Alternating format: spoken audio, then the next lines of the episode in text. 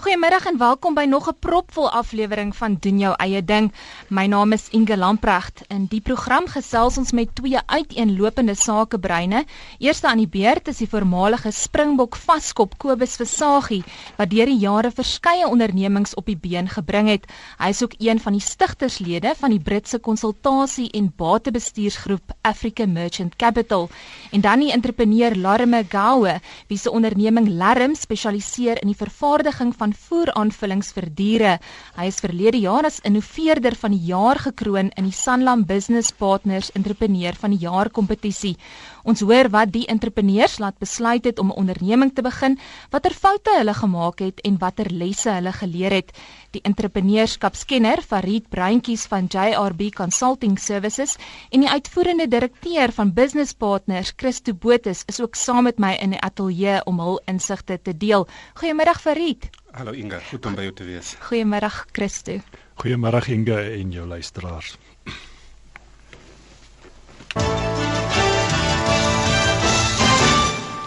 In die volgende insetsel gesels Moneyweb redakteur Ryk van Niekerk met die voormalige Springbok vaskop en entrepreneur Kobus Versagie.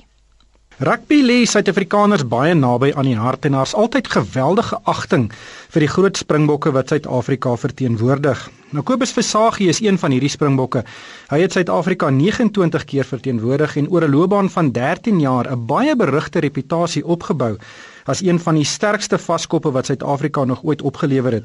Maar Kobus is nie net 'n sterk vaskop nie. Hy het gedurende sy beginjare ook rekeningkunde studeer en reeds vroeg in sy loopbaan homself as 'n geoktroeëerde rekenmeester bekwam. Maar hy's ook egter nie net 'n rekenmeester nie, maar ook 'n entrepreneur en nadat hy bietjie die koöperatiewe leer in Londen geklim het, het hy besluit om sy eie ding te doen en vandag is hy een van die stigterslede van die Britse konsultasie en batebestuurgroep African Merchant Capital. Kobus, uh, welkom by die program. Uh, ons mis jou hier in Suid-Afrika. Hoe gaan dit met jou? Dit gaan goed, dankie. Ek mis die warm weer. Kom ons praat oor jou, oor Kobus as die entrepreneur en ons begin by die begin.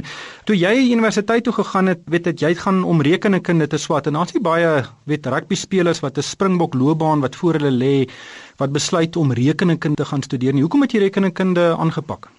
Wel ek moet weer sê aanvanklik was my oogpunt om my die mees deeglike koöperatiewe agtergrond te kry wat moontlik was op daai stadium. Aanvanklik sou ek na my bonus in rekenkunde gekry het, wou ek oorskakel het na LLB toe. Pas is in my laaste jaar van bonus het uh, ek professioneel geword en daai plannetjie is kort geknip. Maar wanneer het jy uh, weet uh, besluit ek wil graag 'n entrepreneur wees of geweet jy het entrepreneuriese eienskappe as mens 'n professionele rugby speler is dan is jou fokus maar regtig op die volgende Saterdag gefokus. Mense wat my goed ken sal weet ek het definitief nie die persoonlikheid van 'n ouditeur nie. So vir my was dit om die algemene agtergrond te kry van besigheid wat ek dink die kwalifikasie baie goed vir help. Maar ek wou my eerste geleentheid was toe 'n vriend van my sy nek uh, baie ernstig beseer het Garabi in uh nie meer kon rugby speel en ons het 'n besigheid begin in Stellenbosch Marties Meat Market daar so waar die dorp verlaat na Kaimandi toe. Van daar af het ek 'n hele paar ander geleenthede ook saam met ons begin Dit is almal klein maar hoe jy leer uit al hierdie geleenthede uit. Ek het uh, in 1998, 99 toe ek my professionele kontrakte groter geraak het, het ons 'n uh, geleentheid begin waar ons 1500 werksgeleenthede geskep het in die townships. Ek wil 'n bietjie vorentoe skuif. Uh, jy is uh, hier vroeg in die 2000s na Saracens toe in Brittanje um, om daar te gaan rugby speel, maar uh, daar het die uh, entrepreneurskaps uh, juk jou ook weer gevang. Suid-Afrika in eiendom betrokke geraak en die geleentheid wat ek daar gehad het is dat Sergens 'n aantal eienaars het en twee van hulle is baie sterk in eiendom betrokke kommersiële eiendom. So ek het saam met twee Suid-Afrikaners wat 'n baie goeie besigheidsplan gehad het wat deur my Suid-Afrikaanse rekenmeester hier in Londen aan my bekend gestel is en ons het toe begin 'n besigheid waar ons wat hulle noem houses of multiple occupancy gewoonlik waar daar 5 of 6 mense in 'n huis bly het ons begin 'n besigheid waar ons fokus op die young working professional mark in Londen en ons doen dit nou al vir 9 jaar en dit is 'n baie suksesvolle besigheid. Maar uh, jy het 'n bietjie in die, in die, in die koöperatiewe wêreld gewerk en jy het begin kyk na 'n nuwe onderneming en jy jy het toe African Merchant Capital begin. Vertel ons 'n bietjie uh, hoekom het jy besluit om jou eie onderneming te begin? Weet 'n uh, konsultasie en batebestuur uh, dienste lewer en, uh, en en hoe daai hele onderneming uh, weet op sy voete gekom? Johan Rupert het uh, 50% in Saracens ingekoop. Ek het toe nog 'n jaar gebly by Saracens en toe ek in 2010 het ek Private Merchant Bank Templewood gejoin waar ek principal vir Afrika geword het later. En daar het ek geleentheid gesien vir koöperatiewe adviesdienste en capital raising geleenthede in die Sub-Sahara Afrika mark. Ek het saam met 'n kollega van my, Jan Louw van der Berg wat ook van die Kaap af is, dat ons besluit om ons eie advisory besigheid te begin met die fokus op Sub-Sahara buitekant Suid-Afrika. Vertel ons 'n bietjie van daai eerste 6 maande het jy begin sonder een kliënt wat vir ons dit moontlik gemaak het is dat ons het in ons exit van Templewood af het ons 'n sekere aantal kliënte gehad waarna ons gewerk het. Ons model is meer wat ek sou sê 'n merchant banking model waar ons ook fokus om ekwiteit in die besighede te kry wat ons adviseer. So ons fokus nie eintlik op early stage kliënte nie. So dit is maar retainers wat jy negotiate, maar dit het ons seker goeie 6 maande gevat voordat ons die eerste geleentheid gekry het waar retainers beskikbaar was. Wat is jou raad aan weet vernemende entrepreneurs en veral rugby spelers of groot sportmense wat weet nou jonk is, hulle is op universiteit of hulle begin pas die die provinsiale spanne maak en hulle wil graag vir Suid-Afrika verteenwoordig. Wat is jou raad aan hulle? Hoe kritiek is dit dat jy vir jouself beter kwalifiseer? Daar's 'n paar dinge. Ek dink wanneer jy jouself voorberei as 'n rugby speler en hoe daar's ouens wat my bel uit Suid-Afrika, uit jong ouens wat meer akademies georiënteerd is wat ek self die raad vir gee wat nou nog altyd super rugby speel. En ek dink dit is 'n ideale geleentheid om net verder te leer stap vir stap en basies jou skills te hou. Die probleem is jy kry nie baie geleenthede nie. Jy kan nie vir iemand werk terwyl jy rugby speel in die manier wat rugby nou ontwikkel het nie. Maar my raad sou wees is jy moet genoeg kapitaal hê om jouself 2 jaar te befonds, net tipe van 'n worst case scenario. En die tweede ding is ek dink dis baie belangrik om die regte vennote te hê van die begin af in besighede soos ons slegs een persoon se skills kan nooit die pyp rook nie. Dit was Kobus Visagie, hy's 'n voormalige Springbok rugby speler en stigterslid van die Britse konsultasie en batebestuurgroep African Merchant Capital. Christo Kobus het die oorgang van beroepspeler na entrepreneur baie goed hanteer en reeds gedurende sy loopbaan verskeie ondernemings op die been gebring wat suksesvol was. Maar tog hoor 'n mens baie gereeld van rugbyspelers en ander beroepssportlui wat as stilvennote by ondernemings betrokke raak en dan 'n klomp geld verloor. Hoe onderskei 'n mens as 'n beroepssportman of vrou tussen 'n goeie entrepreneursiese geleentheid en 'n slegte een? Ja, Inga, dit is uh you know uh, is dit rooi of is dit groen of is dit swart wat jy weet uh, die die die keuse uh jy moet jou huiswerk doen. Dit is die belangrikste. En uh en dan ook jy kan nie ingaan en net sê ek gaan nou 'n stille vernoot wees nie. Ek sit my kapitaal in en ek stap weg. Ek dink daar's baie ander geleenthede waar jy eerder jou geld baie veiliger kan belê in in gevestigde goeie sterk ondernemings op die uh, Johannesburgse effektebeurs ensovoorts. So as jy hande af wil wees, dan is daar ander maniere om om om geld te maak. Ek sou ek sou sê as jy as jy in 'n besigheid wil ingaan, dan moet jy betrokke wees. En uh as jy 'n vernoot kies of 'n vriend of wie ook al, dan dan moet jy ingaan en sê wag 'n bietjie. Uh hierdie hierdie persoon gaan die leier wees. Hy gaan die besigheid bestuur. Uh ek gaan inkom en ek gaan na sekere kernverhoudings in kernfeite van hierdie besigheid gaan ek oor beheer neem of ek gaan daai bestuursinligting op 'n gereelde basis kry. Party ondernemings moet jy dit selfs op 'n daaglikse basis kry. Baie van ons waag kapitaal uh uh, en en en sake engele uh, soos ons hulle noem business angels. Hulle hulle is nie direk betrokke by die besigheid nie maar hulle raak hulle hulle kyk na sleutelverhoudings hulle kyk na uh presteer hulle volgens begroting. Is hulle is hulle op koers met die besigheid? Uh, uh, en ook wanneer sit jy jou kapitaal in?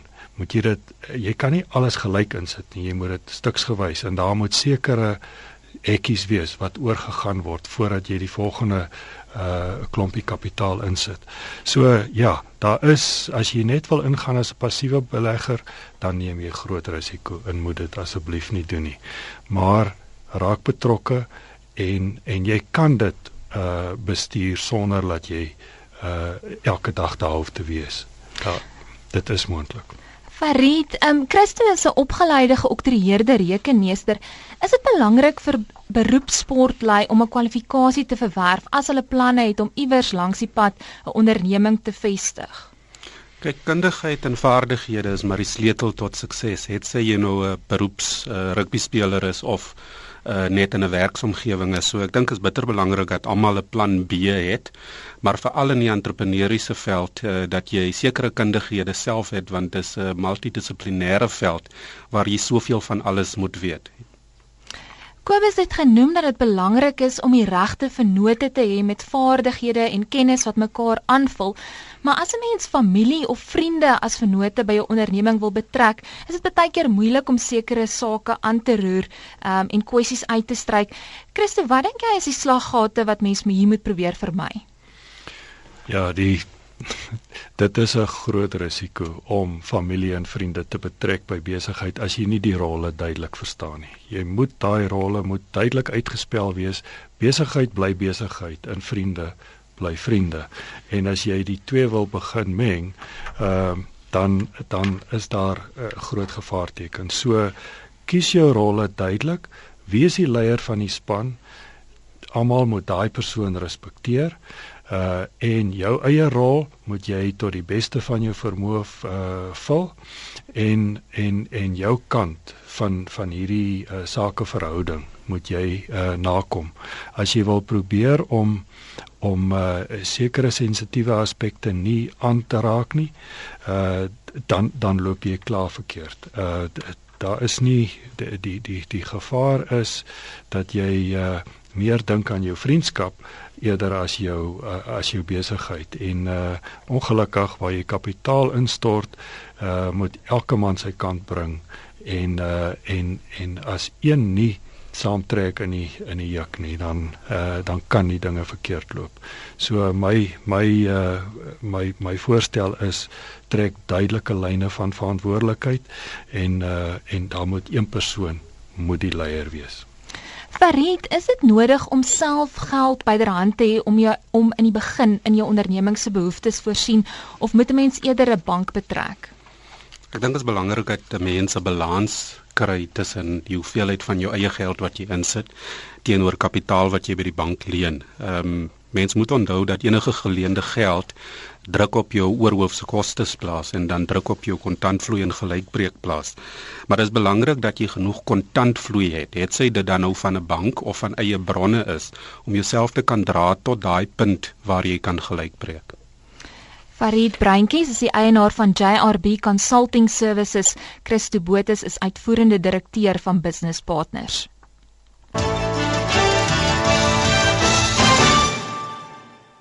die innoveerder van die jaar in die 2014 Sanlam en Business Partners Entrepreneur van die Jaar kompetisie, Larimin Gouwer, doen sake in die dieregesondheidsorgbedryf.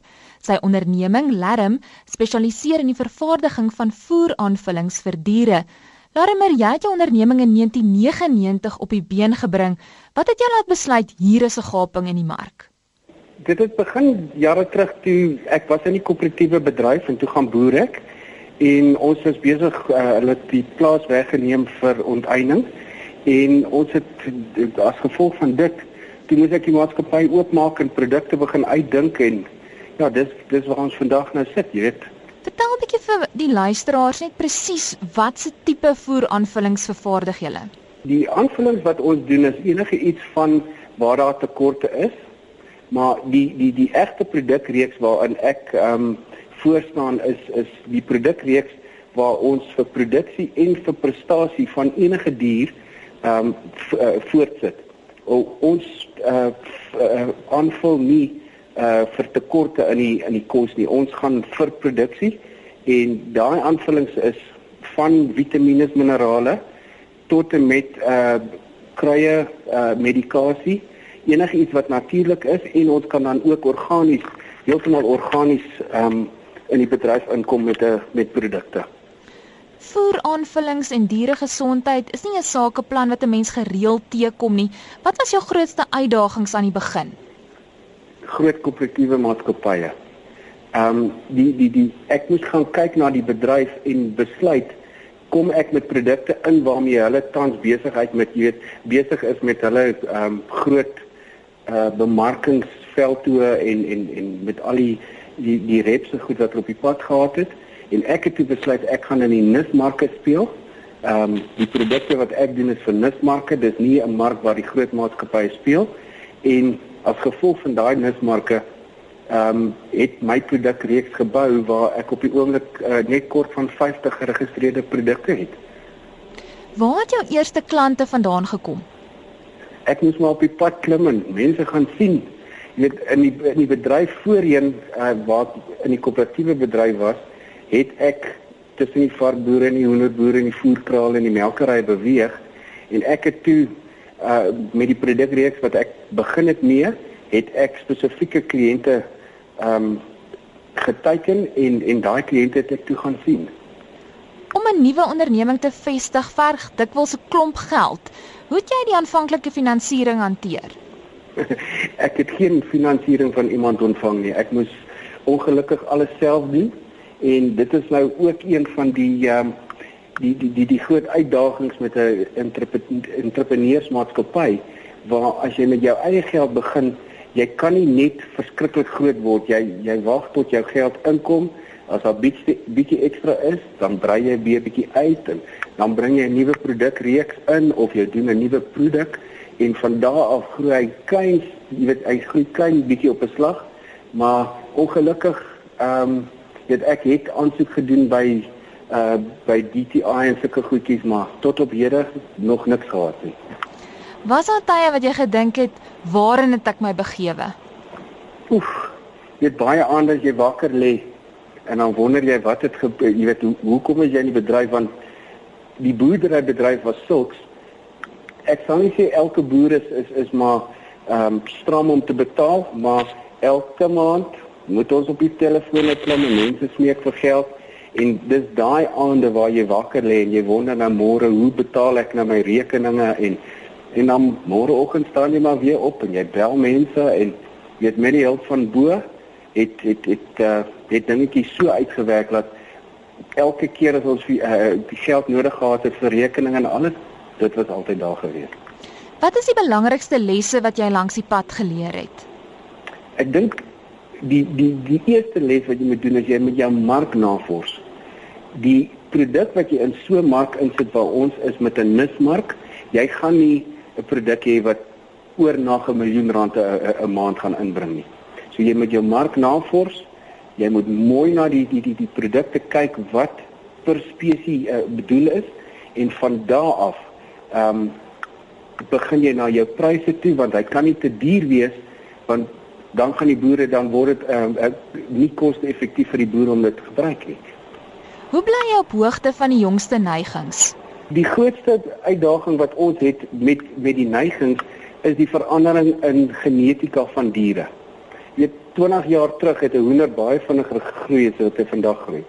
En met die genetiese potensiaal van diere wat die heeltyd uh ontwikkel, moet jy op die neigings van daai potensiaal van daai genetika moet jy op uh op die voorpunt wees. Larimer, jy lewer al reeds produkte aan verskeie lande in Afrika. Wat wil jy nog graag bereik? My grootste droom en ek het nog altyd gesê, as ek in Afrika 'n kalf vir elke koe in Afrika kan produseer, dan gaan ek Afrika help om die wêreld te voed.